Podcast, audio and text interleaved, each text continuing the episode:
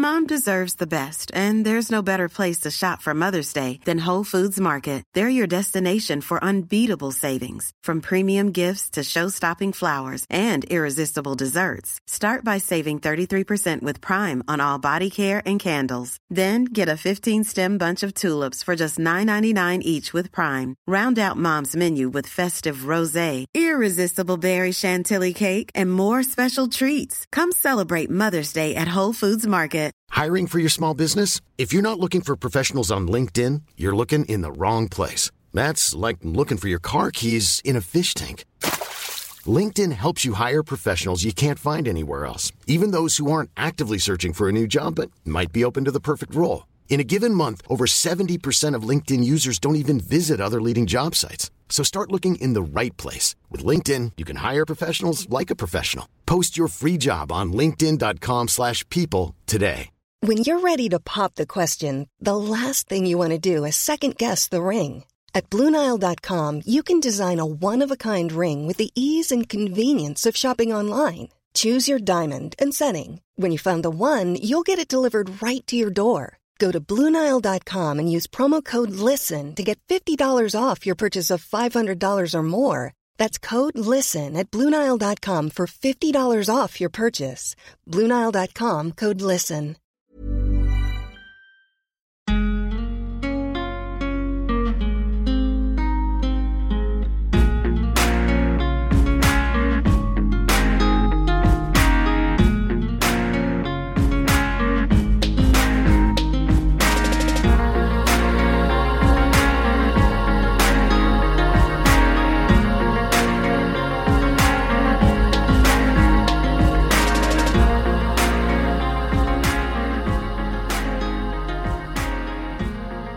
Ni lyssnar på Sparmakarpodden, podden där vi snackar vardagsekonomi, där ni får följa vår resa mot ekonomisk frihet och där vi vill inspirera till ett långsiktigt sparande.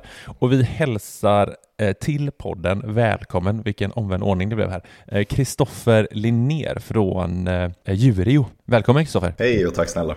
Var det korrekt eh, Linnér? Det, det är så du uttalar det? Det är så det uttalas. Händer att det förekommer linner, eh, då får man rätta till Linnér, så du är helt rätt på det. Vad, hur, hur är läget? Det är bra tack. Mm. Uh, mår väldigt bra. Hur mår ni? Uh, jo men jag mår jättebra. Hur mår du älskling? Ja, men jag... Du är ändå uppe och springer på nätterna. Ja men jag, är, jag måste erkänna att jag är lite sleten idag och att jag drämde i lilltån i sängen så att det, det jag har varit piggare, det har jag, men det är jättebra. Det, det var, jag vaknade upp i natt och undrade, alltså det, det kändes som du vet när det var någon slags jordbävning och bara att det skakade till. Tänkte vad fasen är det som, eh, som händer? Då är det du som har bankat i din tå. Och flyger tillbaka i, i sängen och du eh, hoppar upp. Ja. Eh, för annars, det är det som är så roligt, vi, har, vi håller ju på mycket, väldigt mycket på nätterna. Alltså både med, med Theo som är liten, Nelly som är två och sen också att vi typ båda typ går i sömnen mm. och, och gör massa grejer. Så att det är sjukt stökiga nätter här hemma. Så jag förstår, jag förstår att du är är lite eh, trött idag älskling. Ja. Mm. Och eh, det är lite jag också. Hur har det... du sovit Kristoffer? jag har sovit som en prins. inga, inga, inga småbarn och eh, inga sömngångarsvårigheter. Men det låter lite obehagligt att gå i sömnen med småbarn men det funkar eller? Ni har inte gjort något märkligt någon gång? Nej vi går på mest varandra. Alltså det, det roligaste jag har, eh, som du någonsin har gjort tror jag, det är att jag, eh, eh när vi bodde i vår lägenhet inne i Göteborg, så så vaknar jag upp av att Karin inte ligger bredvid mig. Och så bara, vad fasen har hon tagit vägen? Så ser jag att någon kommer i, in genom dörr, sovrumsdörren. Så står hon med eh, kompostpåsen.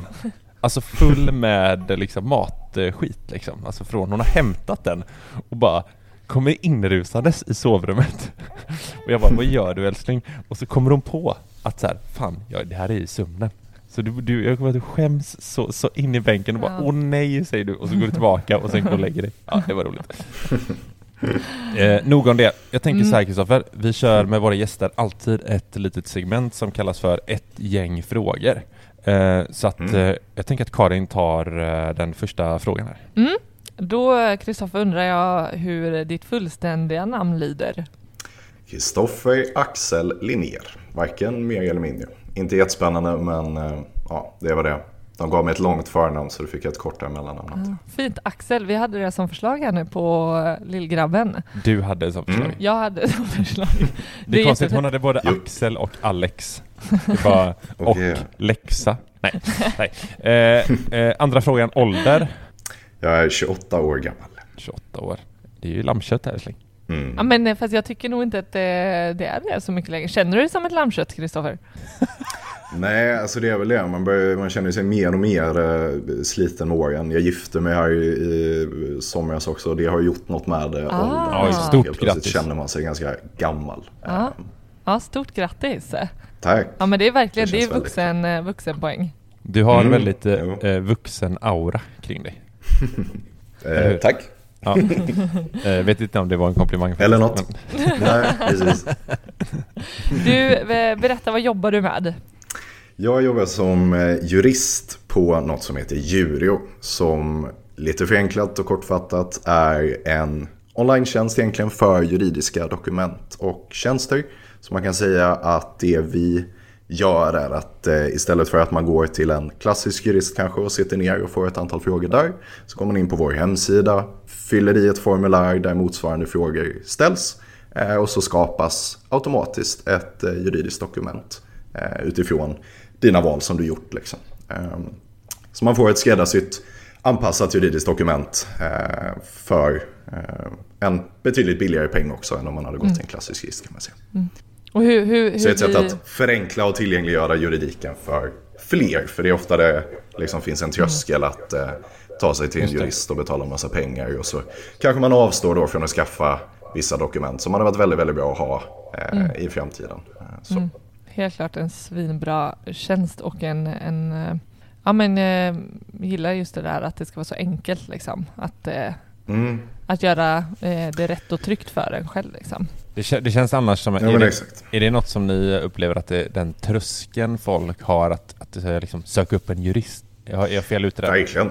Ja, men alltså den är ju hög och det kostar ju också. Alltså det kostar ju vanligtvis en hel del pengar att gå till en klassisk Ja. jurist. Man ska inte heller... I, I många fall kan det vara att man behöver det och då får det vara värt pengarna. I många fall kanske man inte hade behövt betala så mycket för att få liksom, det skyddet man är ute efter. Men saker som kostar, då, då ställer man ju sig alltid frågan är det värt det? Och då kanske man landar i att nej, det löser nog sig ändå. Eller man tar sig inte tiden att sätta sig in i sin situation och faktiskt eh, klargöra, liksom, behöver jag det här? Ehm, Just det. Men, men du, vad... Och så är det ju med många, ja förlåt. Nej, fortsätt du. Nej, jag tänkte bara säga att i, i många fall också så är det ju liksom, de här dokumenten handlar ju inte sällan om kanske tråkiga scenarion och tråkiga saker och då väljer man kanske av den anledningen att, att eh, inte tänka på det heller och så tänker man att nej men jag kommer aldrig dö eller jag kommer aldrig skilja mig och därför så är det onödigt att lägga 10 000 på något. Men får man då ner tröskeln och kostnaden så kanske man ändå tar sig tiden att, att skaffa den extra tryggheten som det Just det. ofta innebär helt enkelt. Ja, Och jag var nyfiken på lite mer kring vad, alltså hur dina dagar ser ut på Jurio. Liksom, vad, vad, hur gör du dina arbetsuppgifter i det här? Mm. Alltså jag är en del av att eh, ta fram och utveckla det vi kallar liksom produkterna, men som är de här olika juridiska dokumenten som man kan skapa hos oss. Eh, så jag och mina juristkollegor jobbar liksom löpande med att säkerställa att eh, kvaliteten är så god som möjligt, att eh, det är så lättillgängligt som möjligt, att innehållet, liksom hur allt presenteras för användaren, att det eh, korresponderar liksom med innehållet och att man fattar vad man håller på med när man är inne på vår sida. Eh, så det är det jag jobbar främst med. Ja men cool. Vad, Mm. det, har du också gjort någon sån här 12-årig utbildning typ? Som det känns som att man, om man ska bli jurist så, så sitter man i skolan typ halva livet känns som. Nej, så är det inte. Just det. Nej, alltså själva juristprogrammet är ju faktiskt bara fyra och ett halvt år. Eh, Det finns ju många utbildningar som är, är längre än så. Eh, sen är det lite beroende på vilken liksom, bana man väljer att ta så kan man behöva eh, utbilda sig vidare. Längsta eh, är ju om man vill bli domare. Då, då får man vara i skolan väldigt länge. Eh, för då sitter man ting som det heter och så ska man eh, göra lite andra grejer och så typ 12 år senare så är man färdig domare. Inte riktigt men eh, så.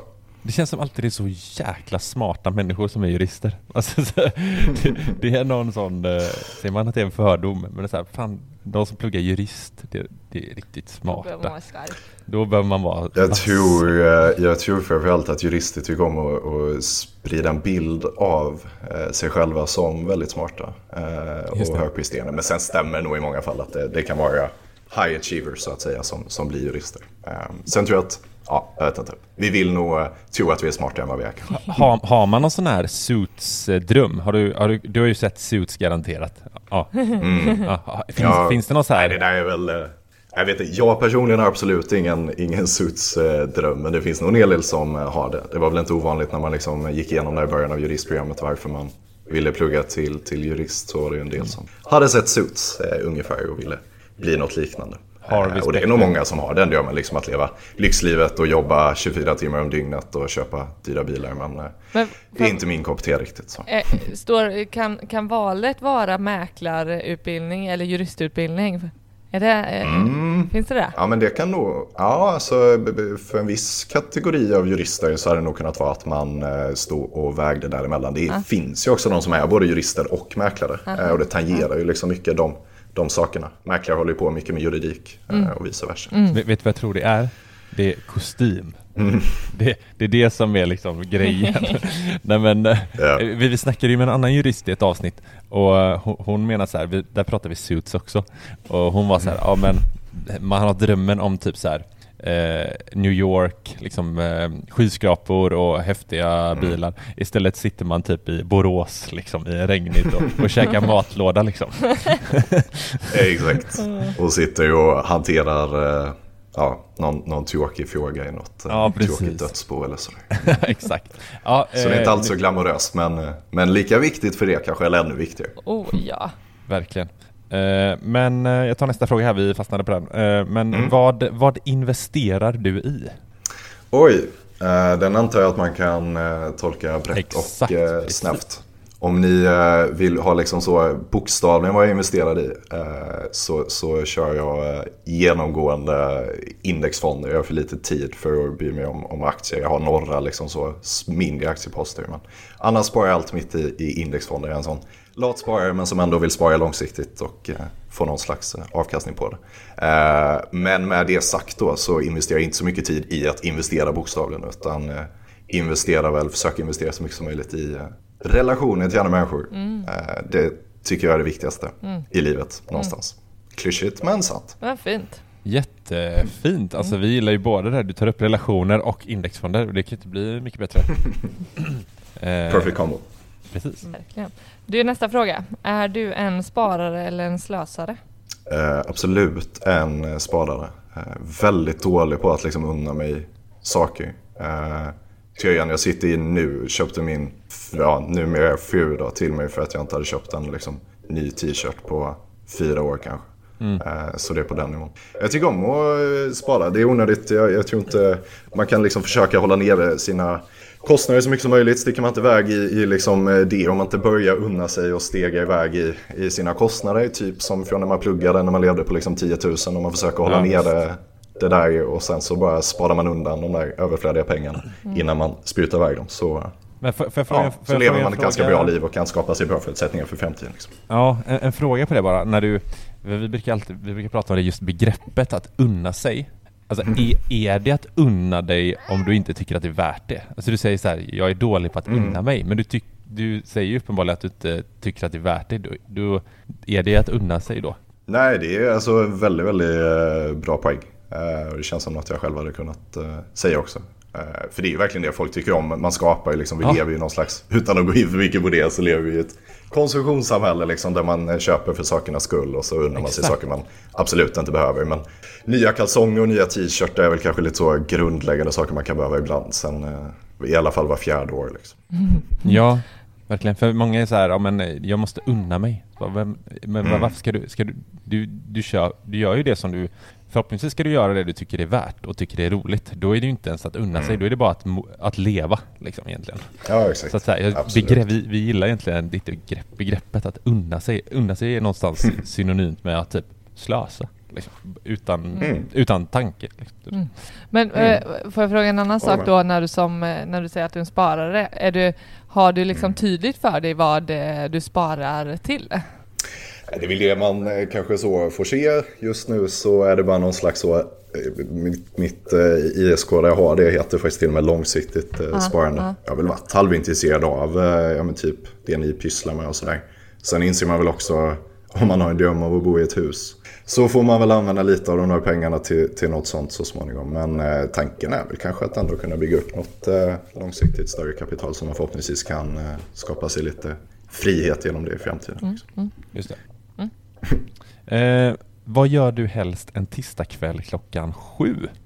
Oj, just nu vad glad jag blev att det var tisdag, för just nu så mm. går jag faktiskt en seglingskurs på tisdagar mellan fem och åtta på kvällen. Jaså? Eh, så eh, det gör jag faktiskt väldigt eh, gärna just mm. nu på tisdagar vid klockan sju. Eh, väldigt, väldigt kul. Annars eh, ska jag vara helt ärlig och säga att jag står och lagar mat eller äter mat. Ja. Eller tränar kanske. Mm.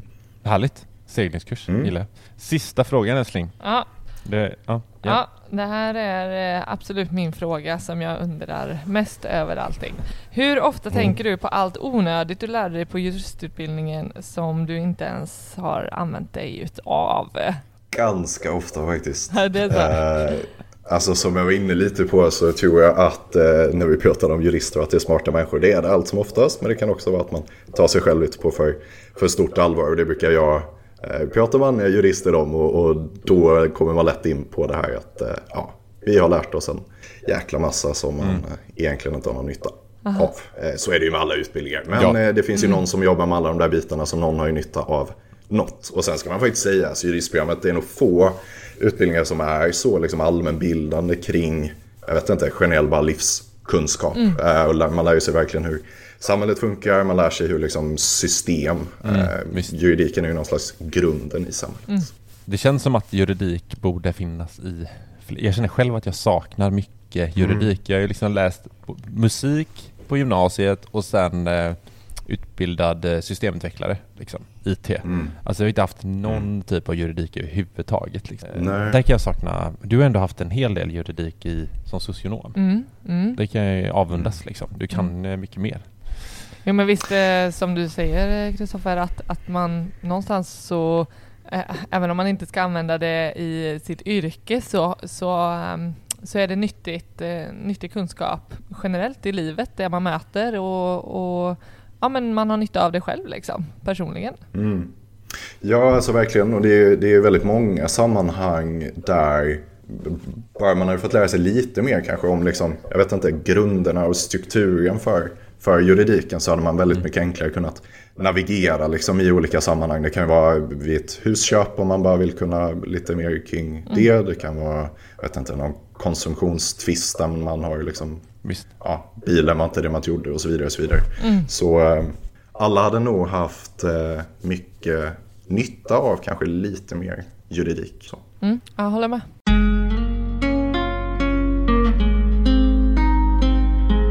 Bra, det var ett eh, gäng frågor. Vi, det här avsnittet nu tänker jag att vi kommer eh, eh ta ett, ett, det är lite annorlunda älskling, eller eh, Vi kommer köra ett litet scenario för eh, två personer eh, som heter Ellen och Kasper och sen går vi igenom deras liv lite grann, vad som mm. händer i deras liv och sen mm. vad de kan tänka på Kristoffer här med olika avtal och, och liksom juridik i, i stort. Liksom. Mm. Eh. Så känner man att man inte har fått med sig det här som vi pratade om då i skolan så, eh, så får man det i ett poddavsnitt här. Eh, Kasper och Ellen genom livet och eh, alla liksom, juridiska aspekter som de bör ha med sig och vad de kan stöta på och kan, borde göra. Kanske kan skolan använda sig av det här avsnittet, ja. jag. Det här blir ja. in i läroplanen sen. Ja, exakt. Eh, ja, men vi börjar då. Eh, Ellen och Kasper, Kristoffer, mm. de flyttar hemifrån eh, och börjar plugga i Linköping och de är 19 år gamla.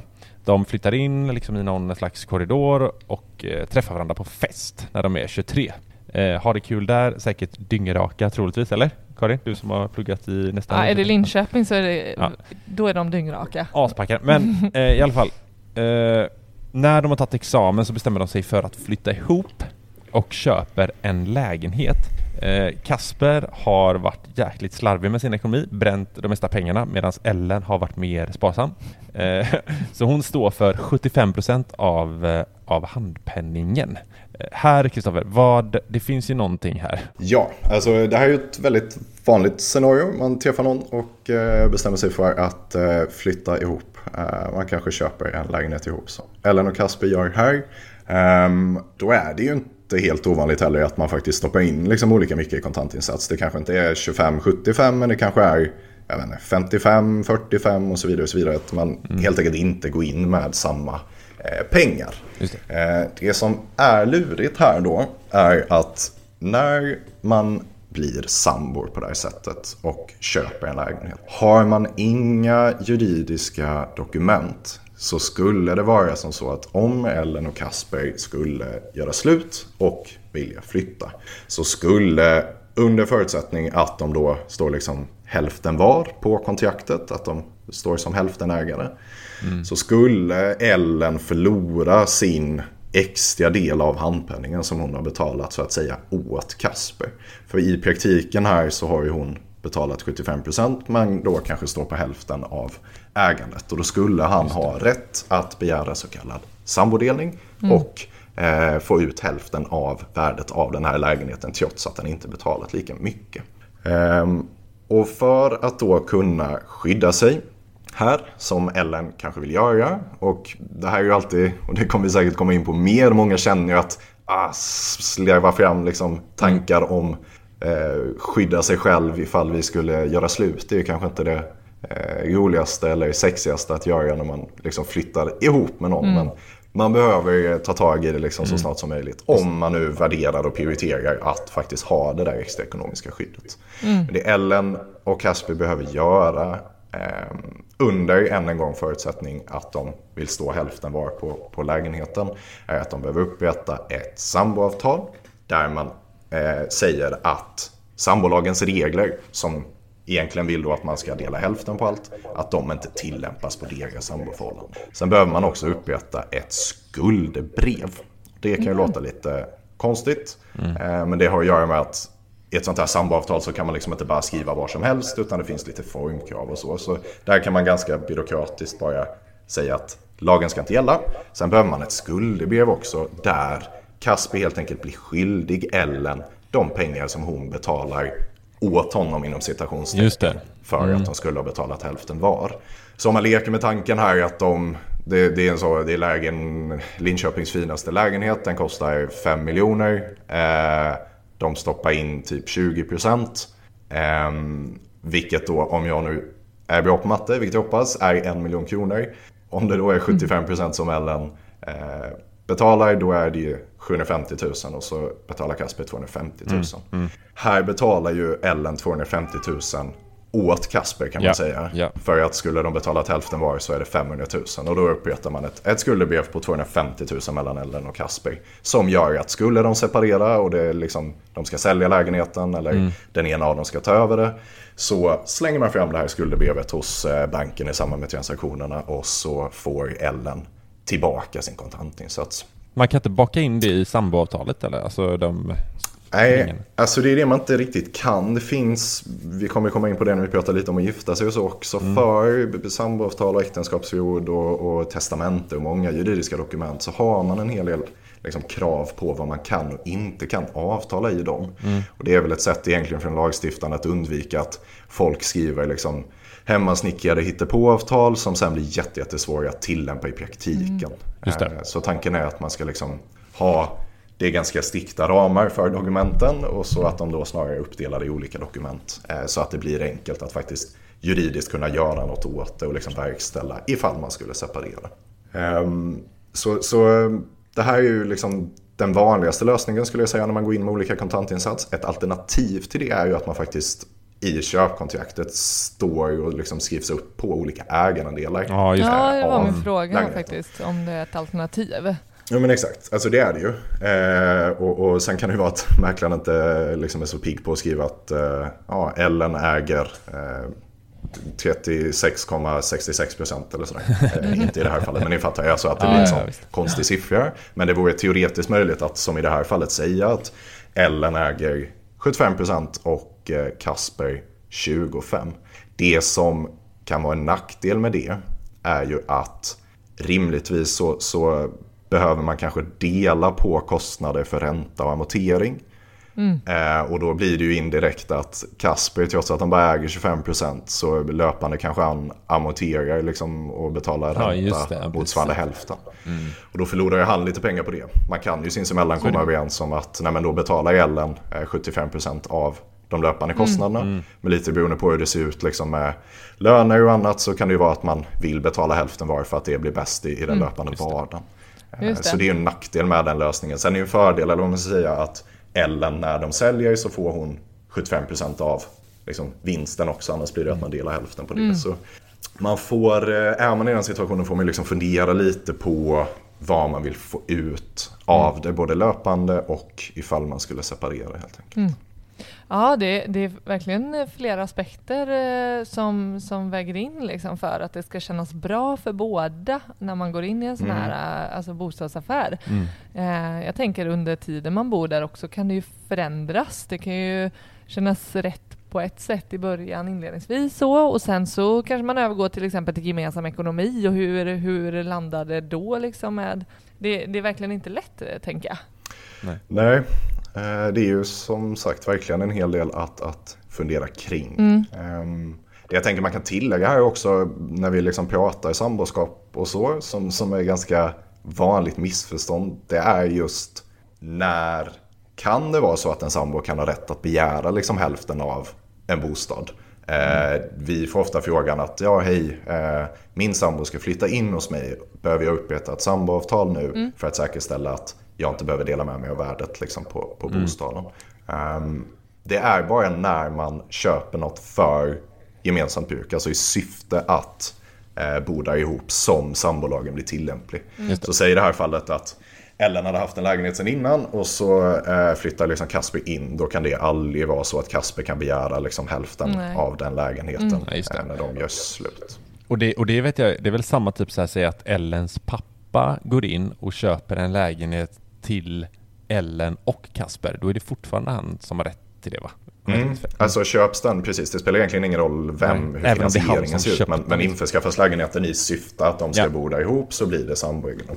Um, man kan ju säga också, och det är väl bra, det har ni säkert koll på eh, som sambor, men, men eh, Eh, det är ju också bara just en lägenhet eller en, ett hus och det som kallas för lösöre och bohag. Alltså möbler, kaffekokan, Playstation. Det är bara de sakerna som mm. faktiskt kan bli aktuellt att dela på om man separerar. Mm. Pengar, bil, katter, you name it. Det, det, har man aldrig, liksom, det blandas aldrig in så länge man bara är sambo. Det är först när man gifter sig. Hur är det, alltså det här kanske kommer från ämnet, men jag tänker om man har eh, eh, gemensamma barn. Eh, mm. kanske inte spelar roll om det är gemensamma eller inte utan att, att eh, det bor barn i, i mm. lägenheten. Mm. Och så går man isär. Eh, mm. kan, finns, det, finns det någonting där, där den som tänk, kommer ha Ska man skriva in barnen? Mm. Ja, men eh, ja, i delningen. Mm. Nej, men jag tänker vem som har mest rätt till lägenheten att bo kvar. båda vill, liksom vill yeah. bo kvar. Hur kan det komma in och mm. påverka? Och hur, alltså, vad, vad bör man ha med sig i, de, i, de, i den aspekten? Det där är en jättebra fråga och eh, något som har ganska stor betydelse när det finns barn inblandade och beroende på hur det blir ifall man liksom går isär. Eh, för i sambolagen så finns det lite skyddsregler just för det där att även om man har ett samboavtal som ger liksom eh, den ena eh, sambon som utgångspunkt till rätt att bo kvar. Det kan vara att man bor i en hyresrätt och att den ena har liksom kontraktet eller att man har eh, ett, ett liksom avtal som säger annat. Så, så finns det skyddsregler för det fall att det handlar om eh, en hyresrätt. Att eh, säga att den andra föräldern får liksom ensam vårdnad om barnet. Eh, om man har ett barn ihop. Att då har den liksom ett skydd att kunna få en bättre rätt till lägenheten även om ett samboavtal säger något annat. Eh, så det finns lite sådana skyddsregler just mm. för att undvika att, ja, men att ett barn ska behöva flytta från en hyreslägenhet. Då, eh, bara för att eh, mamman istället för pappan som fick ensamvårdnad stod på hyreskontraktet mm. och de har ett samboavtal. Liksom. Mm. Mm. Okay. Ja. Sen kan man inte avtala i ett samboavtal liksom, så, vem som tar det ena barnet och vem som tar det andra. Nej, nej, mm. ja, nej, men vi, vi går vidare här med Ellen och Kasper. Eh, de, mm. de bor ihop i sin lägenhet och eh, efter ett par år så får de sitt första barn som, vi, som eh, du var inne på här Karin. Det var ju det var bra. Oj, det var ju som att jag har läst. Ja, eller hur. eh, och de, de väljer att gifta sig i samband med att de får barn. Vad, mm. det, det finns något bra att tänka på när man gifter sig, liksom, när man samtidigt får barn? Mm. Alltså, de flesta jurister håller förhoppningsvis, om det är någon jurist som lyssnar på det här och som håller på med familjejuridik, eh, håller nog med om att eh, det ofta är det bästa rent juridiskt att gå och gifta sig ifall man skaffar barn. Och det har helt enkelt att göra med vad som kan hända framförallt eh, när man går bort om man har om man är sambo istället för att vara gifta. Eh, så jag tänker vi kan egentligen komma in lite på det där just. Alltså hur det skiljer sig om man går bort helt enkelt mm. eh, när man är sambo kontra gift. Ja. Och det är ju något som eh, är väldigt tråkigt att tänka på givetvis. Eh, I synnerhet liksom för er, sitter ni med en tvååring och en, en nyfödd, då vill man inte tänka på att någon skulle liksom behöva eh, gå bort. Men om det skulle vara så att man, som i Ellen och Kaspers fall, om de inte hade gift sig här utan de hade förblivit sambo när de får sitt första barn. Då ärver inte de varandra per automatik utan då blir barnet arvinge till personen som går bort. Och den arvsrätten uppstår egentligen liksom redan när bebisen ligger i magen under förutsättning att det föds levande. Mm. Um, och vad det innebär då är helt enkelt att ja, skulle man inte ha ett testamente och man är sambor och har barn och så går den ena bort, då är det barnen som blir arvingar. Så då sitter den andra efterlevande sambon där och eh, har liksom ingen rätt till pengar, fastighet, annat. Utan då hamnar man i ett eh, förfarande där liksom dödsboet, där man behöver blanda in överförmyndarnämnden. Eh, och så kommer tillgångarna som går liksom i arv till barnen kommer behöva förvaltas av den andra föräldern tills barnen är 18 och sen så får barnen liksom ta hand om det. Eh, så det man ju absolut bör göra om man är sambor är ju att upprätta ett testamente där man anger att man vill att den andra sambon ärver ifall man liksom går bort. Det som är lite lurigt mm. även med det är att så länge man förblir sambor så har barnen alltid, trots att man har ett testamente, rätt att begära ut något som kallas för laglott. Vilket är hälften av vad de skulle ärvt om det inte hade funnits ett testament. Så säg att man har två barn och så är man sambor. Um, om den ena går bort och så har man ett testamente, då skulle de här två barnen, om de vill det, eh, förhoppningsvis vill de inte det utan de vill att efterlevande liksom, eh, sambon som är ens förälder får liksom ta över allt. Men, men vill det sig illa så, så kan det vara att de vill begära ut det. Ja. Om de begär ut det då, då har de liksom rätt till halva arvet ihop likt förbaskat så att säga, även om det mm. finns ett testamente. Just det. Eh, och det som är lurigt där med är att skulle barnen vara under 18 Eh, än en gång, det hoppas man ju inte att ens barn är liksom under 18 eh, mm. när man går bort. Men skulle de vara under 18 år, då är det som så att den efterlevande sambon och barnen, de blir dödsbodelägare i samma dödsbo, alltså dödsboet efter partner som avlidit. Och då får inte Sambon, som är liksom den andra föräldern som är efterlevande, den får inte företräda barnen i det dödsboet. Utan då mm. behöver man blanda in överförmyndarnämnden. Mm. Så kommer det in en god man som ska liksom eh, säga och, och, styra hur, liksom barnen ska agera i dödsboet och företräda det. Mm. Um, så, så äh, gifter man sig så det som förändras vad gäller det är att då uppstår en automatisk arvsrätt för den efterlevande maken. Då blir det som så att då har liksom inte barnen någon rätt att ärva direkt. Utan eh, då går det till efterlevande make och den dagen båda har gått bort så ärver liksom barnen mm. i efterhand. Så det är väl det som är alltså, konkret den mm. liksom, stora fördelen rent juridiskt med att, att gifta sig. Sen kan det finnas andra aspekter i det också. Eh, och det kan ju kännas tråkigt, det har jag sagt i, i liksom, möten man haft med folk att eh, det kan ju vara en tråkig anledning att liksom, gå och gifta sig för att det ska bli smidigare om man dör när barnen är under 18. Men eh, ja, det, det, kan ändå finnas en ja, men poäng. Det, det, känner jag ju, det känner vi själva. Vi har ju pratat om att gifta oss av juridiska skäl. Vi har ju tänkt att gifta oss typ nästa år eller någonting. Mm. Men vi, och nu har vi ändå varit förlovade i över ett år och känner att så här, fasen, mm. vi måste... Vi, två älskling. Det är två år? Ja, det är två år. Det är två år. Vi, ja, men, fast jag sa ju att det var över ett år. Och det är ju det, är det ju i... ja, du har rätt. Ja, nej, men, eh, så att eh, vi känner ju att det verkligen hade varit något eh, för oss liksom att vi måste ta tag i. Mm. Vi känner ju att vi vill göra det rent juridiskt men så här, det blir, när man ändå vet att man ska gifta sig så blir det, blir det någonstans att man inte väljer att skriva något testamente typ. Av någon märklig anledning för att man bara skjuter på Just det det. liksom. Ja. Så Ja, nej. det där är väldigt eh, typiskt. Det blir lätt så. Jag själv hade upprättat ett testamente med min då sambo när det var det. Eh, och det förblev, liksom, vi skrev inte under det. Eh, För vi tänkte likadant om vi ska gifta oss snart. Nu hann vi gifta oss innan någon av oss gick bort. Men ja, Ja, det, är ju, det är ju sådär med de där. Men om, säg att man så här, eh, vad är viktigt att tänka på om man gifter sig då? Alltså är allting frid och fröjd då liksom? Så här, men då, då är liksom ni på det klara och behöver inte tänka på någonting. Eller hur, hur är det då? Nej, då har man ju kanske egentligen lite andra juridiska frågor att ta ställning till. Man har ju safeat upp per automatik, alltså säkrat det här lite mer med arvet som vi var inne på.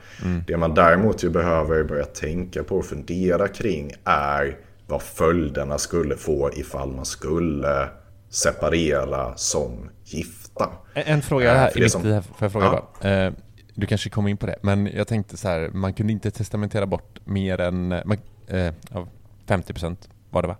Man kan göra det med risken finns att barnen kräver ut liksom. Ja, sin jo. Jaha, okej. Så, ja. Men hur är det med eh, när man är gift? Är det liksom, eh, är det 100% till, om jag skulle gifta mig med Karin här nu, har hon för 100% eller har barnen fortfarande rätt till någonting? Nej, alltså så länge det är, så länge man är gift med barnens andra förälder så har liksom den föräldern, alltså ens, i ditt fall då, eh, fru Karin, skulle ha rätt till allt arv direkt. Det som eh, man ska komma ihåg är att om ni skulle skilja er och så träffar du en ny fru, Ja. då skulle inte fallet vara likadant i det äktenskapet, utan då hade dina två barn haft rätt att ärva dig direkt. Alltså i 50%? Eh, nej, alltså då har de full arvsrätt. Men då hade du på samma sätt kunnat upprätta ett testamente som när du är sambo. Och så hade de på samma sätt haft rätt till 50% som om det hade varit en sambo. Den nya frun helt enkelt. Men så, så om jag skaffar en ny fru och Ja.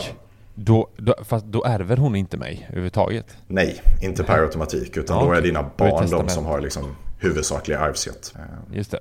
Det Ja, är ju inte ovanligt. Alltså, det blir ju vanligare och vanligare om man jämför idag med jag vet inte, 50-talet. så, så är det ju betydligt många fler som har nya äktenskap idag. Och det där eh, gäller ju verkligen att tänka på då. För det kan ju få ganska stora liksom, effekter eh, när man går bort. Om man har ett nytt äktenskap och så har man kanske barn från varsitt förhållande tidigare. Det. Eh, då kan det få ganska stora effekter för ens gemensamma liksom, hem och ekonomi. Mm. Eh, att, att barnen sen tidigare, så kallade särkullbarn som man säger på juridiska, att de har arvsrätten primärt. Liksom. Ja, men jag tänker så här, det finns ju, jag vet jag lyssnade på någon sån här P3-dokumentär om hon, eh, vet du den här kvinnan som eh, förgiftade sin man med typ cyanid?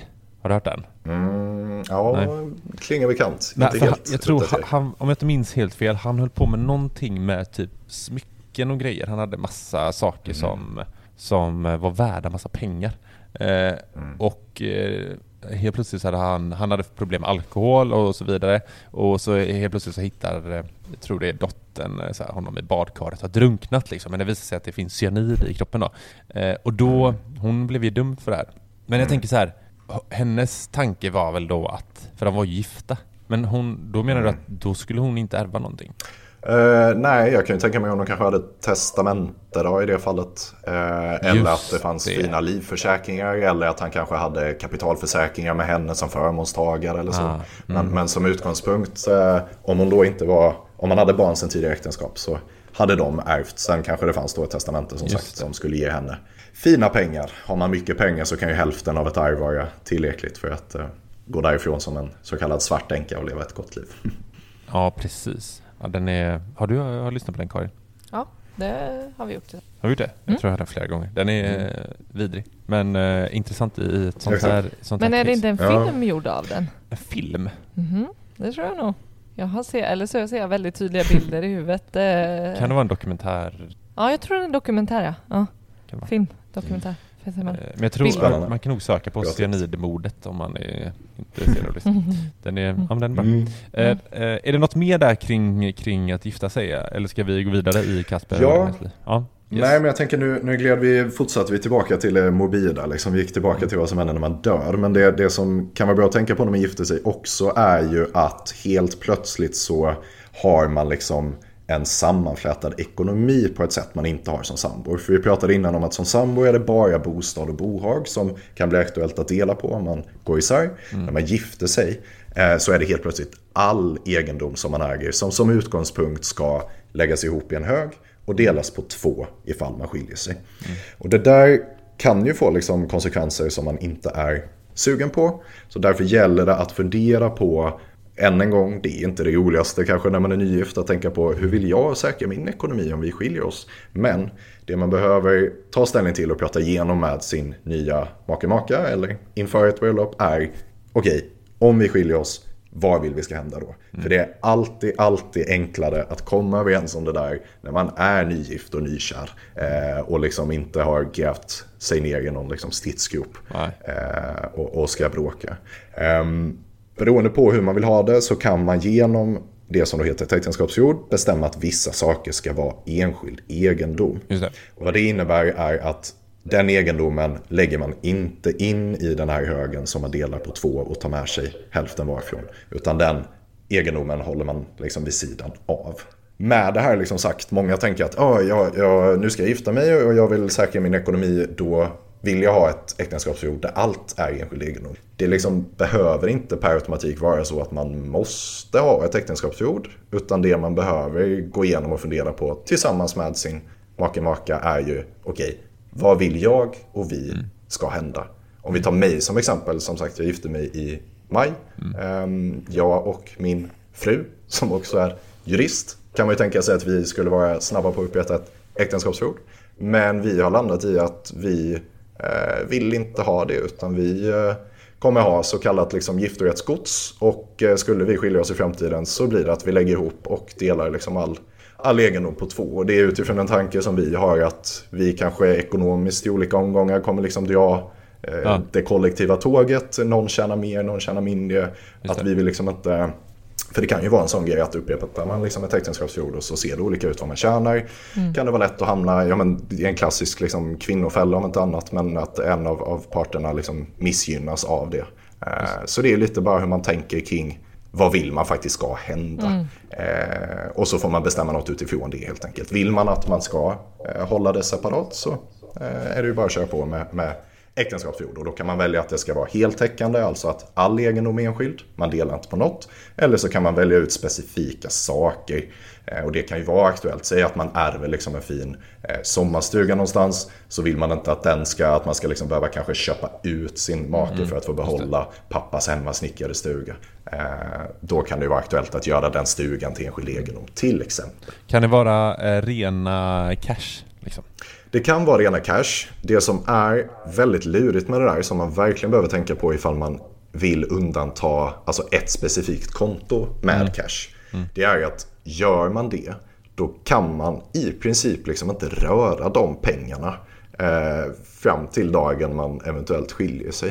För det som händer om man liksom, säger att ni har fem konton och så säger ni att det här är sparkontot, så är sparkonto 1, ja. det ska vara enskild egendom. Håller ni sen på liksom ta ut lite pengar därifrån, stoppa in lite mer. Då har det helt plötsligt blandats ihop mm, med mm, mm. resterande oh, delar som giftorättsgods. Och då skulle inte ni med framgång vid en skilsmässa kunna säga alla de här pengarna är min enskilda egendom. För då kommer man säga, ja men vad av det ungefär.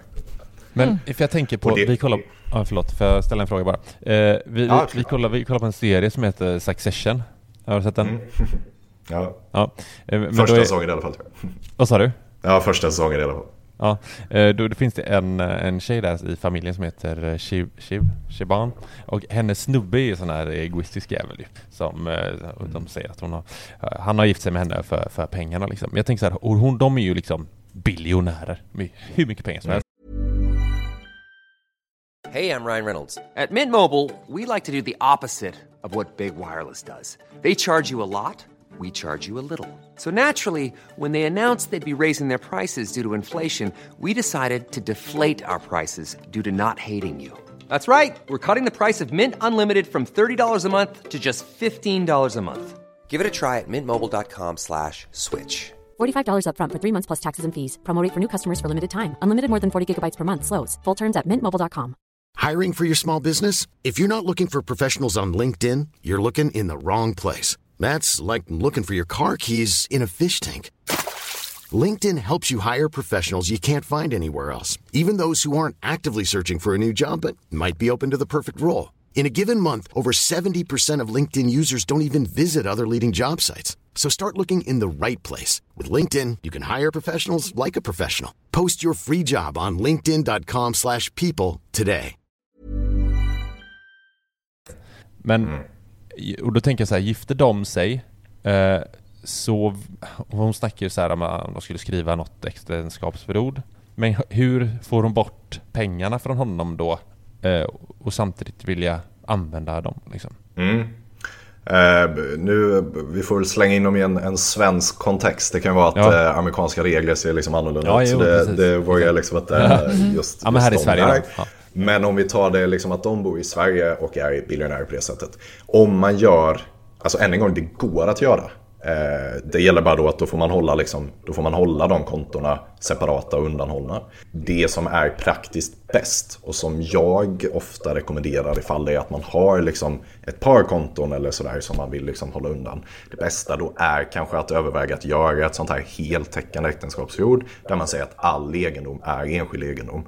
För då kommer ju då kommer det liksom inte finnas något giftorättsgods. Då finns det inget att blanda ihop den enskilda egendomen med. Utan då kan man ju hålla på och ha liksom gemensamma konton och sina egna konton och allting. Och ändå blir det så att separerar man då, då tar man hälften var av gemensamma konton. Man tar sina egna konton, man tar sina aktier, man tar sin hälft av huset och så är det bra där. Liksom. Just det. Och det är ju bra att tänka på, alltså, som för er och kanske era lyssnare som är liksom sparade intresserade, att, att det som är viktigt och lite lurigt också om man överväger att göra liksom, eh, aktier och sådär eller fonder till enskild egendom. Det är att i ett äktenskapsförord så behöver egendomen som man gör till enskild egendom, den behöver vara specificerad. Man behöver liksom på förhand kunna, när man skriver under äktenskapsförordet, så behöver man kunna veta, okej, okay, det är de här aktierna som eh, Ellen liksom tar undan. Mm. Eh, för Annars kan man ju lite lurigt under äktenskapets gång kan man liksom fylla på med nya aktier eller man kan utöka sitt aktieinnehav på det här ISK-kontot. Och det, då, då har man liksom skrivit under ett avtal mellan makarna som man inte riktigt kan se konsekvenserna av. Så, så det mm. finns ett sånt krav att det behöver vara så tydligt specificerat att man inte ska kunna omfördela från eh, giftorättsgods till enskild egendom om ni hänger med på det. Så man behöver liksom kunna specificera de här aktierna som jag har på eh, det här ISK-kontot per det här datumet ungefär. Eh, och sen blir nya aktier som man köper i framtiden, eh, de blir inte enskild egendom per automatik. För då hade mm. man ju mm. liksom kunnat komma kring avtalet om mm. ni fattar. Svårt om man är trader liksom. Mm. Ja, då bör man ju ha, alltså då bör man ha ett heltäckande äktenskapsförord mm. om man vill eh, mm. ha liksom den tryggheten. Mm. Så ofta om man är inne och nosar på att man liksom vill ha vissa saker som är enskild egendom och så står man fast vid att det ska bara vara de här få sakerna. Då brukar jag alltid ställa liksom motfrågan, men vad är det du känner att du absolut måste dela på då? Ja. Eh, och då landar man ganska ofta i att nej men okej, de här 50 000 som vi har på vårt gemensamma lönekonto, de, de behöver vi liksom inte dela på heller, utan det kan också vara enskild egendom. Men då mm. låser det sig lite ibland i huvudet, det kan liksom vara bra att lyfta här också, att, att man hänger inte riktigt med i att även om man har liksom ett gemensamt konto eller man har ett gemensamt hus som man äger hälften var, så kan det fortfarande vara enskild egendom. Då tar man bara hälften var av det. Så bara för att man äger något ihop så innebär inte det liksom att det inte kan vara ens enskilda egendom. Mm. Utan då är ens hälft av det man äger ihop enskild egendom istället. Okay. Så, så man, man ändrar liksom inte ägandeförhållandena till någonting när man mm. gifter sig. Mm. Det är också ett vanligt missförstånd. Det är inte så att helt plötsligt att jag äger min frus liksom, eh, konton, att jag har någon äganderätt till det. Utan det enda som händer är att skulle vi skilja oss så har jag rätt till hälften av värdet av det vi äger ihop. Liksom. Mm. Precis. Eh, men har, du några tankar kring så här? För jag har ju, eh, eller vi har ju vänner som är gifta. Mm. Men där eh, den ena parten vägrar ha gemensam ekonomi med den andra parten. Liksom. Mm. Och vi mm. menar på så här, fast ni har ju inget äktenskapsförord som, mm. som säger något annat. Så att någonstans så har den andra parten någonstans ändå rätt till de pengarna som du vägrar dela med dig av typ. Alltså man får göra precis som vill. Det är lätt som är väldigt dummande här. Mm. Ja, alltså både ja och nej. Alltså för egentligen så länge äktenskapet pågår så har man liksom ingen rätt till någonting. Mm. Utan, egentligen, utan det, men, men den dagen man faktiskt liksom gör slut, om man gör det och, och skiljer sig, absolut, då har ju den andra rätt till liksom hälften av det man har ihop. Mm. Eh, så. Um, så det är ju liksom en, de ligger ju lite parallellt de här spåren kan man säga, alltså just med eh, frågor kring om man ska ha gemensam eller separat ekonomi eller blandad tillsammans med frågan om okej, okay, ifall vi separerar, vad händer mm. då? Mm. Så man kan ju ha gemensam ekonomi men ett heltäckande äktenskapsförord som säger att allt ska vara enskild egendom. Mm. För att man har liksom alla sina konton ihop mm. Eh, men man har kanske en sommarstuga vid sidan av som man vill ha. Liksom. Eh, ha, mm. det, har du något? Eh, annars går vi vidare i story. Mm, jag tycker vi, vi går vidare och ser vad som händer med Ellen och Kasper. Mm. Mm. Eh, ja men eh, ska vi se vad det är De har skaffat barn och de har gift sig. Eh, Kasper gillar att träna och han börjar springa maraton. han läser och tränar varje dag. Han börjar prata med kompisar dela, del, och dela med sig av sin sin, säger man, tränarresa, hatar ordet resa, men eh, tränarresan på, på sociala medier. Eh, det är så mycket resor, håller du med om det? För att det är många som slänger sig ja, med verkligen. begreppet resa. Jag är också allergisk mot det. Hatar resa. Ja, skitsamma. Eh, ja, men efter sitt andra lopp så får han en förfrågan om att bli coach eh, åt, en, åt en liten yngre eh, tjej här som, som vill göra en liknande, det han har gjort. Eh, vad, jag tänker så här, han vill starta bolag. Mm. Eh, och jag tänker juridik, för vi, det, det, vi har varit i den här sitsen. Vi har ju startat bolag, eh, mm. två bolag eh, för att titta på diverse saker vi utvecklar en app håller på med och, och så vidare. Vi har liksom diverse samarbeten på Instagram och i podden och sådär. Eh, vad, mm. Något juridiskt kring det? För det är säkert många där ute som, för vi, vi pratar mycket om så här, skaffa sidoinkomster liksom. Eh, och mm. Har du något, några spontana tankar kring det? Ja, alltså hamnar man i den eh, sitsen att man helt plötsligt kanske har som en hobby eller någon typ av ja, början av en verksamhet som man skulle kanske vilja börja tjäna lite pengar på. Mm. Då kan det ju finnas stora skäl att, eller ja, man behöver egentligen liksom bolagisera det på något sätt. Eh, man kan starta en enskild firma, det är ganska vanligt. Men det man kan göra är ju att, att faktiskt se över och överväga om det inte blir mer lönsamt med ett aktiebolag. Mm. Eh, många kan ju tycka att det är skönt att hålla liksom ekonomin mellan verksamheten och sin privata ekonomi lite, lite mer separerad. Eh, det får man ju inte i en enskild firma på det sättet och blandas ju alltihop. Eh, går bolaget eller liksom enskilda firman i, i, konkurs så är det man själv som gör det och så vidare. och Så vidare. Um, så det kan finnas en hel del fördelar med att uh, starta ett aktiebolag. Det behöver inte vara så dramatiskt som det kanske låter. Uh, jag vet själv liksom innan jag fick lite bättre koll på hur det funkar att jag tyckte det lät superläskigt att liksom driva ett bolag och vara vd i något bolag eller sådär. Uh, men det är egentligen inte konstigare än att man har ett aktiekapital på 25 000 och så eh, startar man ett aktiebolag. Man ska ju ha med sig att det finns en hel del eh, givetvis regler och annat man behöver mm. efterleva eh, när man driver ett aktiebolag. Men, men det finns så mycket hjälp idag att få ja. med allt sånt där från liksom revisionsbyråer och annat. Att, att, ja, fördelarna ganska ofta, beroende på liksom hur omfattande verksamheten ska vara, kan trumfa att, att faktiskt skapa ett aktiebolag. Eh, och då finns det olika sätt att, att göra det på. Eh, en möjlighet som finns är att eh, köpa lagerbolag. Det är en tjänst vi har. Då går det lite snabbare att liksom kickstarta, man får ett organisationsnummer snabbare och så vidare.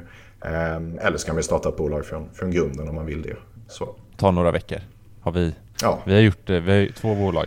Så vi har startat ett från grunden och ett lagerbolag. Och det var skillnad i tid vad det tog liksom. Jo men exakt. Det är väl egentligen att man, ett lagerbolag är väl att man köper ett befintligt organisationsnummer och så gör man om det till sitt eget namn och allt sådär. Precis, eh, precis. Och då är en del ibland lite rädda att så, åh nej, eh, kan det komma med skulder och annat? Eh, och det, ja, jag vet inte, går man in på Darknet och söker efter konstiga bolag så kanske man kan hitta ett lagerbolag med massa konstiga eh, skulder. men, men köper man av oss eller en annan seriös aktör så Eh, får man ju ett helt nystartat eh, bolag som bara legat i ett par veckor kanske i väntan på att säljas vidare. Eh, mm. Så det är att man får ett färdigt bolag med organisationsnummer och annat så att det bara omregistreras. Så det kan man ju fundera på om det är att man som sagt börjar driva någon verksamhet. Sen kan man ju använda det till andra saker också, det här aktiebolaget. Utöver liksom verksamheten, man får se till att anpassa verksamhetsbeskrivningen men man kan ju helt plötsligt börja ja, komma in på kanske göra investeringar i onoterade aktier vilket man inte eh, kan göra annars. Man kan eh, hitta lösningar där liksom, ja, med ägande av fastigheter och annat eh, som kanske är något som era lyssnare är intresserade av för att liksom få en ekonomisk snurr på ett annat sätt. Men finns det något läge som, jag tänker så här, som en hobby, alltså eh, många kompisar som, ja men du vet så här, man har ett intresse, typ sticka, en polare som eh, mm. har börjat liksom sälja lite eh, eh, väskor som hon gör eller jag tänker jag vet inte, svampplockning, man älskar att vara ute i skogen och sen så börjar man sälja sin svamp liksom på torget. Alltså, finns det någon... Sälja sin svamp på torget? Det låter så jäkla sjukt. Ja, jag säljer svamp. Tjena grabben, jag säljer svamp. Ja, är det inte något som är poppis bland uh, ungarna nu för tiden? det hade jag Sjukt någon... om man bara kommer så har man kantareller liksom. Ja men det de hade bara, jag någon... Fan vad besvikna de är på plattan liksom i Stockholm. Ja. kantareller. det var verkligen kantareller. Nej men, om, finns det någon nivå, liksom, eller när, när, när blir det inte fördelaktigt liksom, att ändå ha ett, ett bolag för sin hobby eller sidoinkomst som man mm. drar in lite cash på? Alltså, när blir det liksom ja Förstår du min fråga? När kan man göra det på ett, en, ett, annat sätt, som, men ändå som inte hindrar till att man kan få dra in lite cash mm. på sitt, sitt intresse liksom, eller sidoinkomst? Precis. Alltså man kan väl säga att det är som en, eh, en trappa egentligen, där man, man kan ju ha en hobby som man kan ta lite betalt för utan att ha något bolag överhuvudtaget. Sen finns det ju nivåer där det blir liksom skatte... Man behöver skatta och annat, eh, men sen kan man väl säga att, jag vet inte, någonstans ju, ju större man i alla fall drömmer om att verksamheten mm. ska bli. Eh, mm. desto mer lämpligt är det att kanske köra ett aktiebolag istället för en enskild firma. Men det beror mm. lite på omfattningen på det och vad man vill ha för, för resultat och möjligheter i övrigt. Det finns ju de som driver ganska stora verksamheter som enskild firma eh, liksom också. Eh, så det mm. ena behöver inte vara liksom garanterat att bara för att helt plötsligt att det blir liksom en större verksamhet att man måste ha ett aktiebolag då. Ja, det är lite olika aspekter att ta hänsyn till och vilket ansvar man vill ha och skatteeffekter och allt. Precis. Vi studsar vidare. Han har ju startat bolag där, sin träningsgrej. Några år senare vill Ellens föräldrar att hon och hennes syster ska ta över deras eh, sommarhus i eh, Bohuslän. Någonstans på Orust kan man väl säga då. Na, eh, fint. Vad sa du? Fint. Fint. Eh, vad vad bör, bör de tänka på här, Kristoffer? Eh, för det är exakt den här sitsen som vi själva är i eh, ju. Dina föräldrar har ett boende ute på Orust. Mm. Eh, vad har du några, man kan ju ta direkt, de lyssnar ju på podden också. Vad har du för tips till dem? Det man behöver tänka på om man vill eh, låta liksom ett eh, sommarhus eller en annan fastighet eller bostadsrätt eller så gå vidare till nästa generation. Vilket ju är en ganska ett ganska vanligt fall att man kanske till och med vill att ja, innan vi går bort så får det gå vidare och sådär. Det är att man, man måste upprätta det som kallas för ett gåvobrev och det bör man absolut, nu är jag ju liksom jävig, men, men man bör absolut ta juridisk hjälp när man gör det där. Eh, det är lätt att tänka att ja, men det är bara att krafsa ihop något, det ska bara stå vem som ger och vem som tar emot och så skriver man under det där. Uh, och vi får ju ibland folk som tycker att varför ska vi betala liksom, hos er när, man, när det finns liksom, gratismallar på, på nätet. Mm.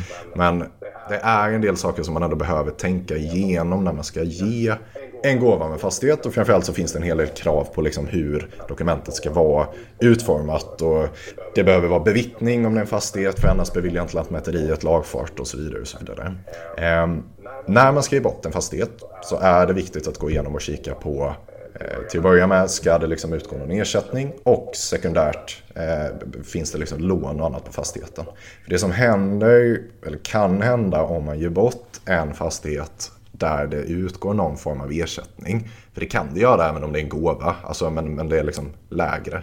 Eh, då behöver man kolla på, okej, okay, är ersättningen högre än 75% än fjolårets taxeringsvärde för då kan det bli aktuellt för gåvotagaren att behöva betala stämpelskatt. Eh, och det där kan vara lite lurigt. Ehm, men bara så man vet det helt enkelt. Men i det här gåvobrevet så, så behöver man då med fördel liksom specificera eh, de bitarna också. Alltså, kommer det någon ersättning? Finns det lån? Vad ska hända med lånen? Eh, ska gåvan vara enskild egendom för mitt barn då till exempel eh, i det här fallet som ska ta över. Eh, för, för skriver man inte in det så finns ju risken som vi pratat om innan att helt plötsligt så kan eh, maken liksom ha rätt till, till hälften av det. Eh, så det finns en hel del olika villkor mm. som man kan och bör ha med i ett sånt här gåvobrev för att underlätta för sig själv och för gåvotagaren både nu och kanske också i ett senare skede när man går bort och annat. Eh, för ett exempel på ett annat villkor som kan vara bra att ha med i ett sånt här gåvobrev är att förtydliga ifall gåvan ska vara det som kallas för förskott på arv eller inte. Som utgångspunkt när man får en gåva från en förälder så klassas det som förskott på arv. Vilket innebär att eh, den dagen föräldern går bort har jag fått en sommarstuga och jag har en syster, vilket jag har, och jag har fått den då, eh, då avräknas värdet på sommarstugan mm. i den här situationen. Som förälder kan man ta ställning till och villkora i ett gåvobrev att det inte ska vara förskott på arv. Och det är egentligen enda möjligheten man har att påverka det där. För har man inte gjort det så, så utgår man från att det är ett förskott på arv. Har man villkorat i gåvan att det inte är förskott på arv så, så avräknas det inte. Och det kan ju vara beroende på hur situationen ser ut. Det ser väldigt olika ut vad man har för tankar och relationer och så vidare. Och så, vidare så kan det vara eh, så att man vill att äh, nu ska jag, Kristoffer, få den här men jag ska också få hälften av arvet äh, när, när mamma och pappa går bort till mm. exempel. Mm. Mm. just det. Men jag sitter och funderar på eh, alla de här dokumenten som vi eh, hittills har pratat om. Alltså, mm. blir det, det kanske skiljer sig från dokument och dokument, men är det egentligen, blir det en trygghet att ha de här liksom på det klara och att de är giltiga ifall att det liksom man, man kommer i clinch med den andra liksom. Eller är det, behövs eh, dokumenten för att överhuvudtaget kunna genomföra liksom, säg då en, eh, en överlåtelse av ett sommarhus eller sådär. Behövs det för att, förstår du min fråga? Mm, fattar absolut. Eh, och det är en väldigt bra fråga. Alltså, vad gäller just en gåva av, av en fastighet eh, eller bostadsrätt så måste man ha ett, ett gåvobrev. Det finns mm. liksom lagkrav på att det är skriftligt upprättat. Du kan inte säga till någon att du får min lägenhet och så är det liksom en giltig gåva utan det behöver finnas på pränt. Så mm. man, man liksom mm. behöver de här två dokumenten i alla fall mm. eh, för att överhuvudtaget kunna liksom genomföra överlåtelsen. Ja. Sen är det också som du är inne och, och frågar kring bra att ha dem för att få klarhet kring saker som annars kan bli en konflikt. Mm. Jag har jobbat en hel del med alltså dödsbon när man hanterar saker när en person har gått bort. Och då är det inte alls ovanligt att just förekomsten av gåvor är en sån sak där man liksom börjar bråka kring var det en gåva? Var det ett lån? Var det liksom ett förskott på arv? Eh, och så har man olika tankar kring det. Mm. I de fallen där då finns ett gåvobrev där det tydligt framgår att det här är ett förskott på arv eller det är inte ett förskott på arv. Då finns det inget att bråka om. Mm. Man kan vara sur på sin pappa för att han liksom, eh, gynnat en syster istället för en själv. Men det, det finns liksom ingen tvist. Man riskerar inte att liksom behöva ta till domstol frågan om Nej det var en gåva eller inte. Mm. Vilket annars riskerar att bli fallet. För är det något som tyvärr ofta händer när man, liksom en, en förälder eller annat går bort så är det alltså att det, det även de bästa relationer kan tyvärr i liksom girighetens eh, spår eh, ja, halvt raseras på grund av att man börjar bråka om den här typen av mm. saker. Och det är ju det sista man vill göra. Alltså. Mm. Eh, men det är tyvärr inte ovanligt. Ja, men jag tänker att vi, vi går vidare. Eh, de har liksom satt upp gåvobrev och liknande. Eh, systrarna som äger sommarhuset ihop inser att de inte alltid alltid, eh, att det inte alltid är enkelt att äga ett hus ihop med sitt syskon. Mm. Eh, de behöver någonstans liksom eh, göra någon slags klarhet i vem som ansvarar för vad eh, och vad som ska hända om en syster plötsligt vill sälja. Då finns det något avtal vet jag att ni har skrivit. Precis. Ett samäganderättsavtal heter det. Och det är nog ett mindre liksom välkänt eh, dokument. Många har ju hört talas om testament och äktenskapsförord och samboavtal och sådär. Eh, är det inte många som har hört talas om.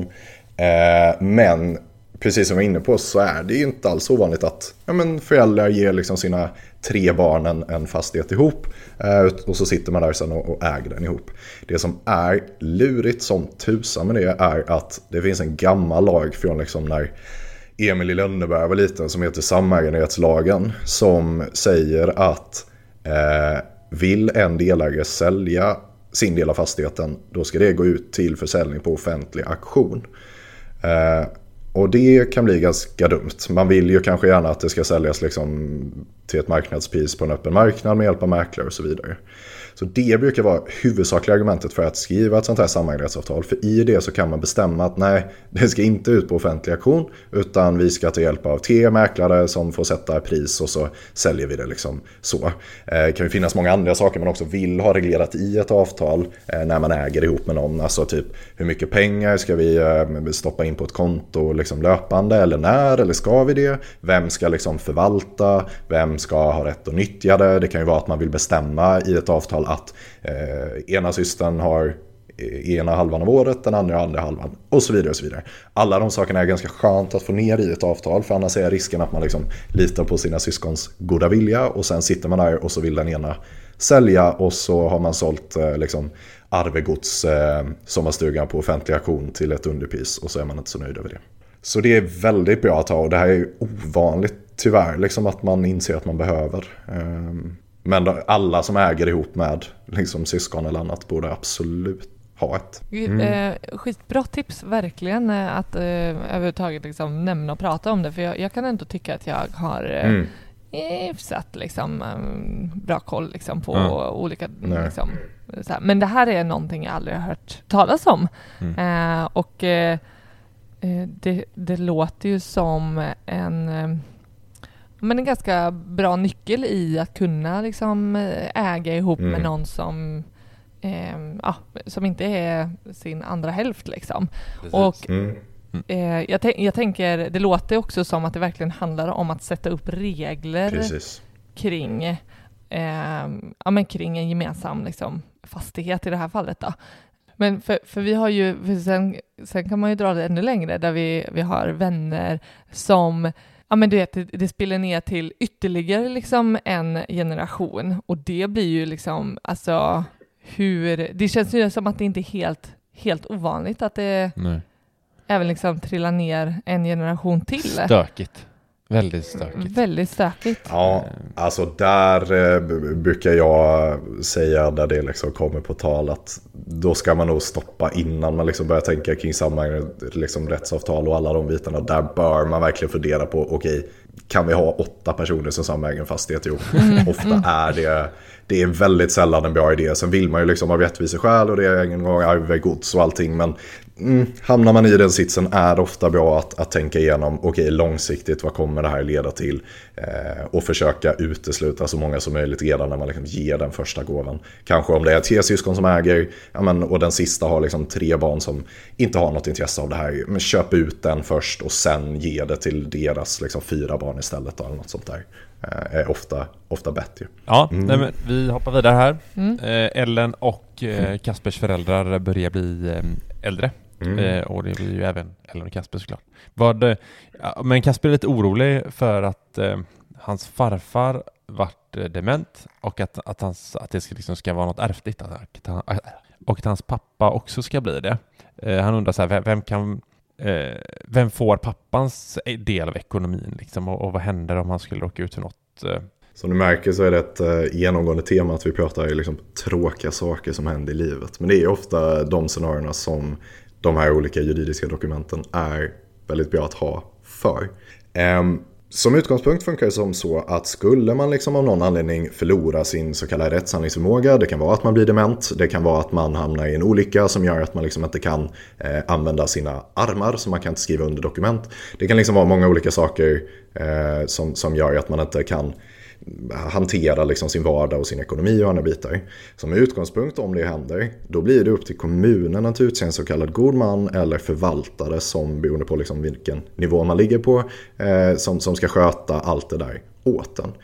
Eh, och det kanske man inte är så sugen på, att helt plötsligt så ska ja, men, ta liksom Ellen och Kasper här, eh, de är gifta, säg att det skulle hända något med Kasper. Då kanske inte Ellen vill att hon ska utses till god man eller att det är någon helt främmande som utses till god man och att överförmyndarnämnden ska liksom behöva blandas in och få redovisningar löpande. Utan det man kan göra då som äldre personer men alla personer absolut borde göra är att upprätta det som heter en framtidsfullmakt.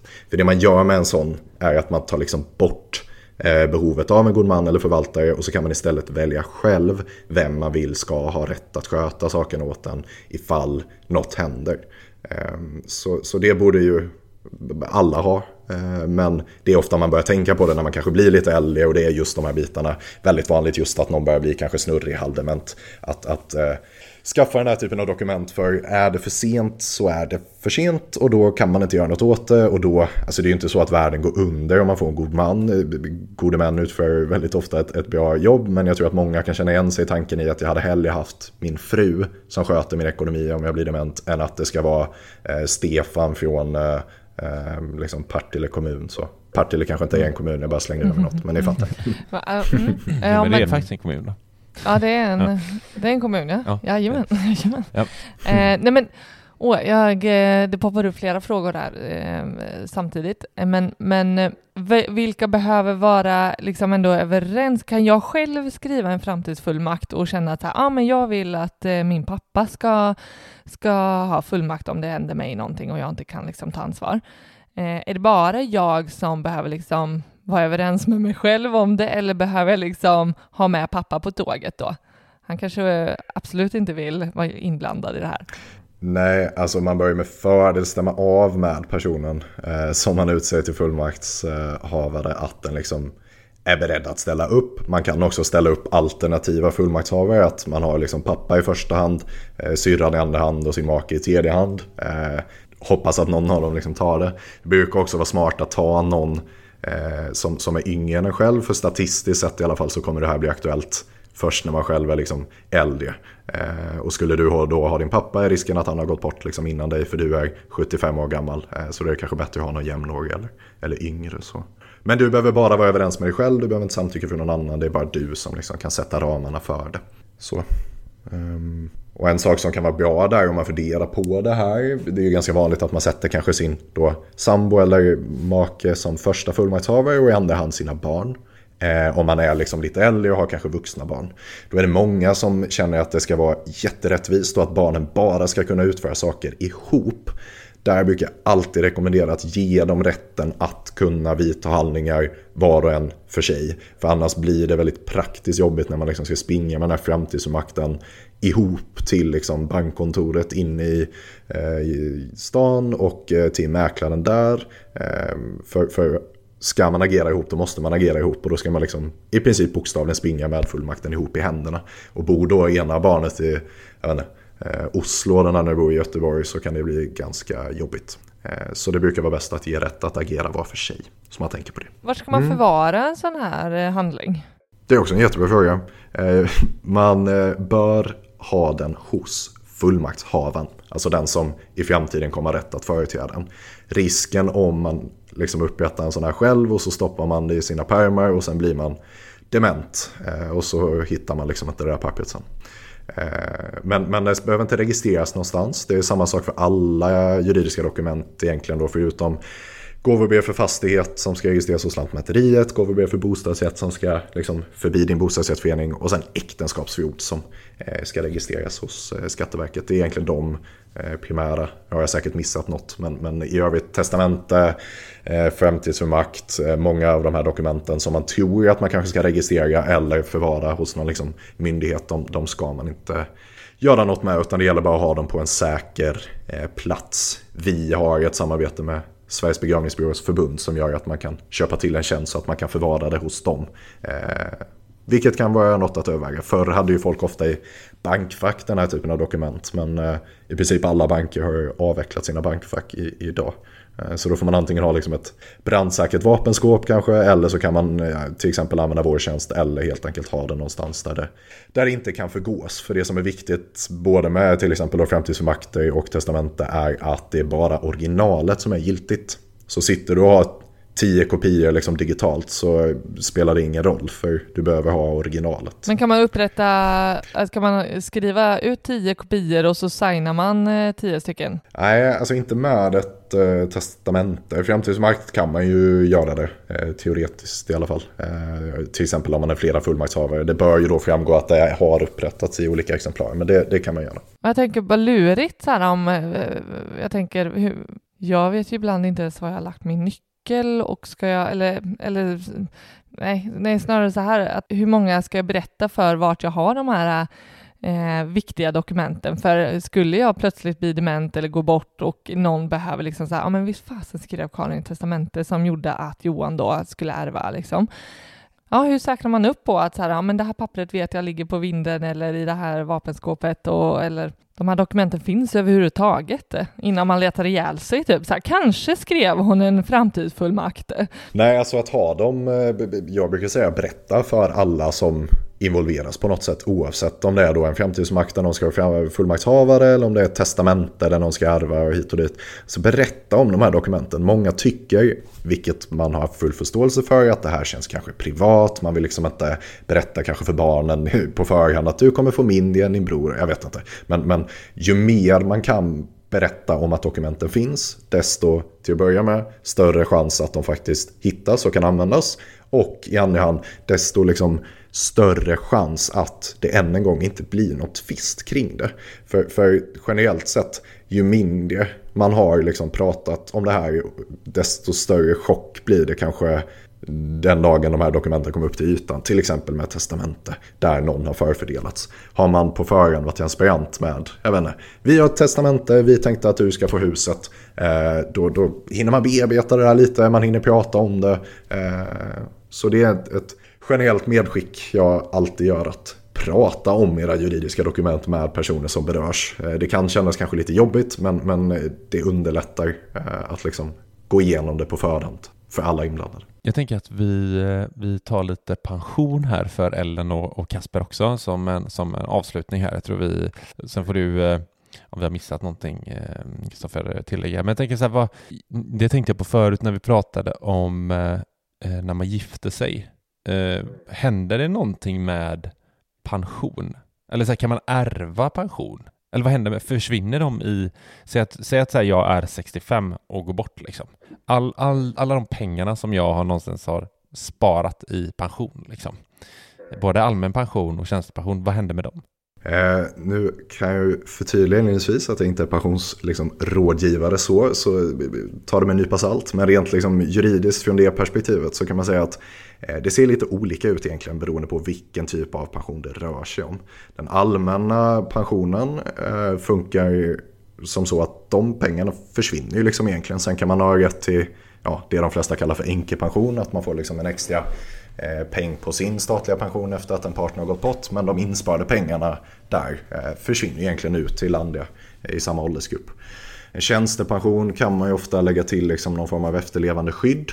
Det är inte alltid det är liksom ekonomiskt gynnsamt. Man brukar väl säga att det är ifall mm, liksom ens, ens partner är kanske ekonomiskt beroende av en. Eh, än en gång, det här ska jag inte ge mig in för djupt på för det är mer liksom en, en pensionsfråga eh, liksom, och ekonomisfråga. Liksom, men, men eh, tjänstepensionen ärver man ju liksom inte heller på det sättet. Eh, utan då är det att man kan ha tecknat till ett efterlevande skydd. Individuellt pensionssparande eh, ser ju lite annorlunda ut och det beror på lite hur man har, liksom har sparat det och var man har sparat det.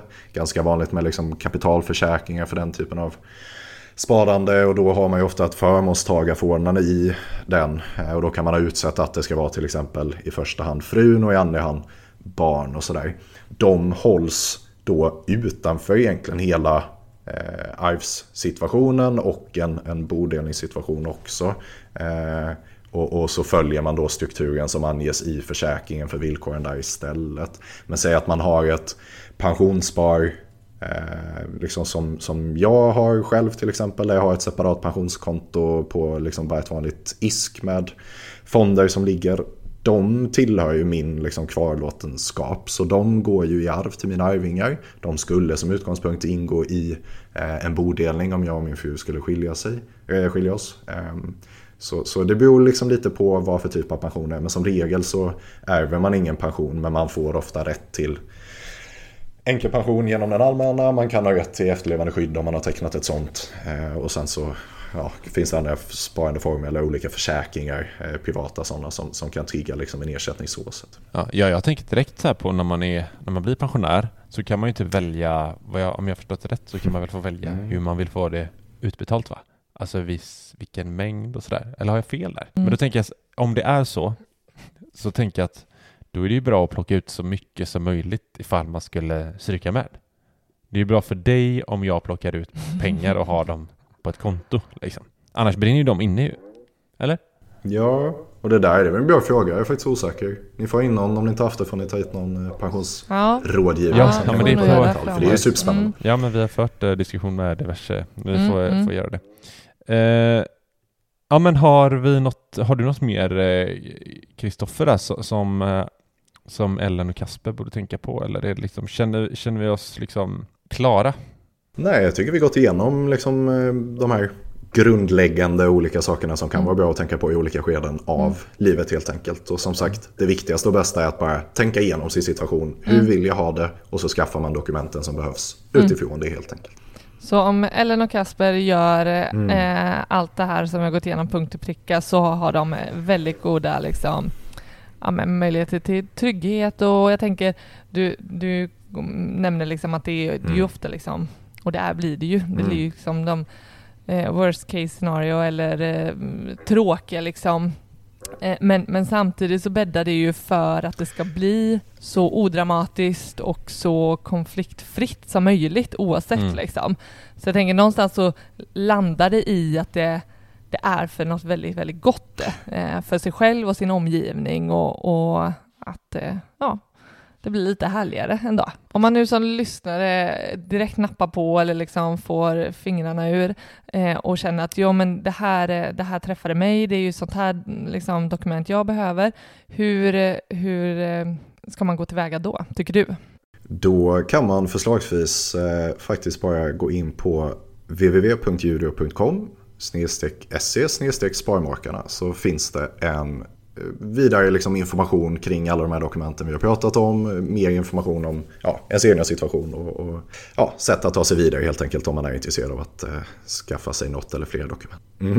Va- Ta den URLen igen. Jurio.com se sparmakarna. Kristoffer, sjukt kul att du, att du ville vara med. Tack snälla. Det var ett riktigt bra avsnitt. Alltså det, det var otroligt givande, tror jag, Ja. för, både för oss och för alla våra lyssnare, helt ärligt. Har du några Mycket. slutord älskling? Nej men eh, jag önskar Ellen och Kasper all eh, lycka i livet.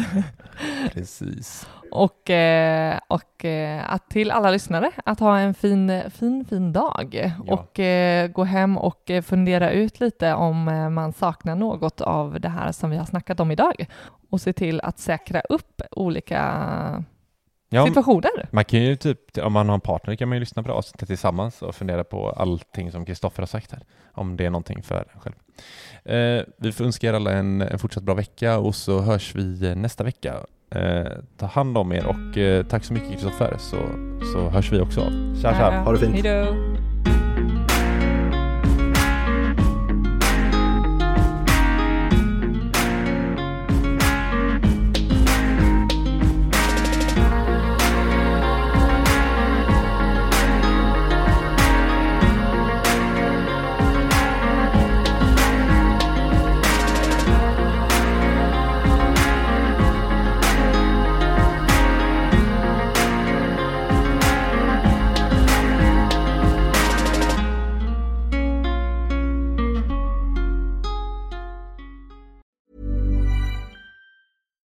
Hi, I'm Daniel, founder of Pretty Litter. Cats and cat owners deserve better than any old fashioned litter. That's why I teamed up with scientists and veterinarians to create Pretty Litter.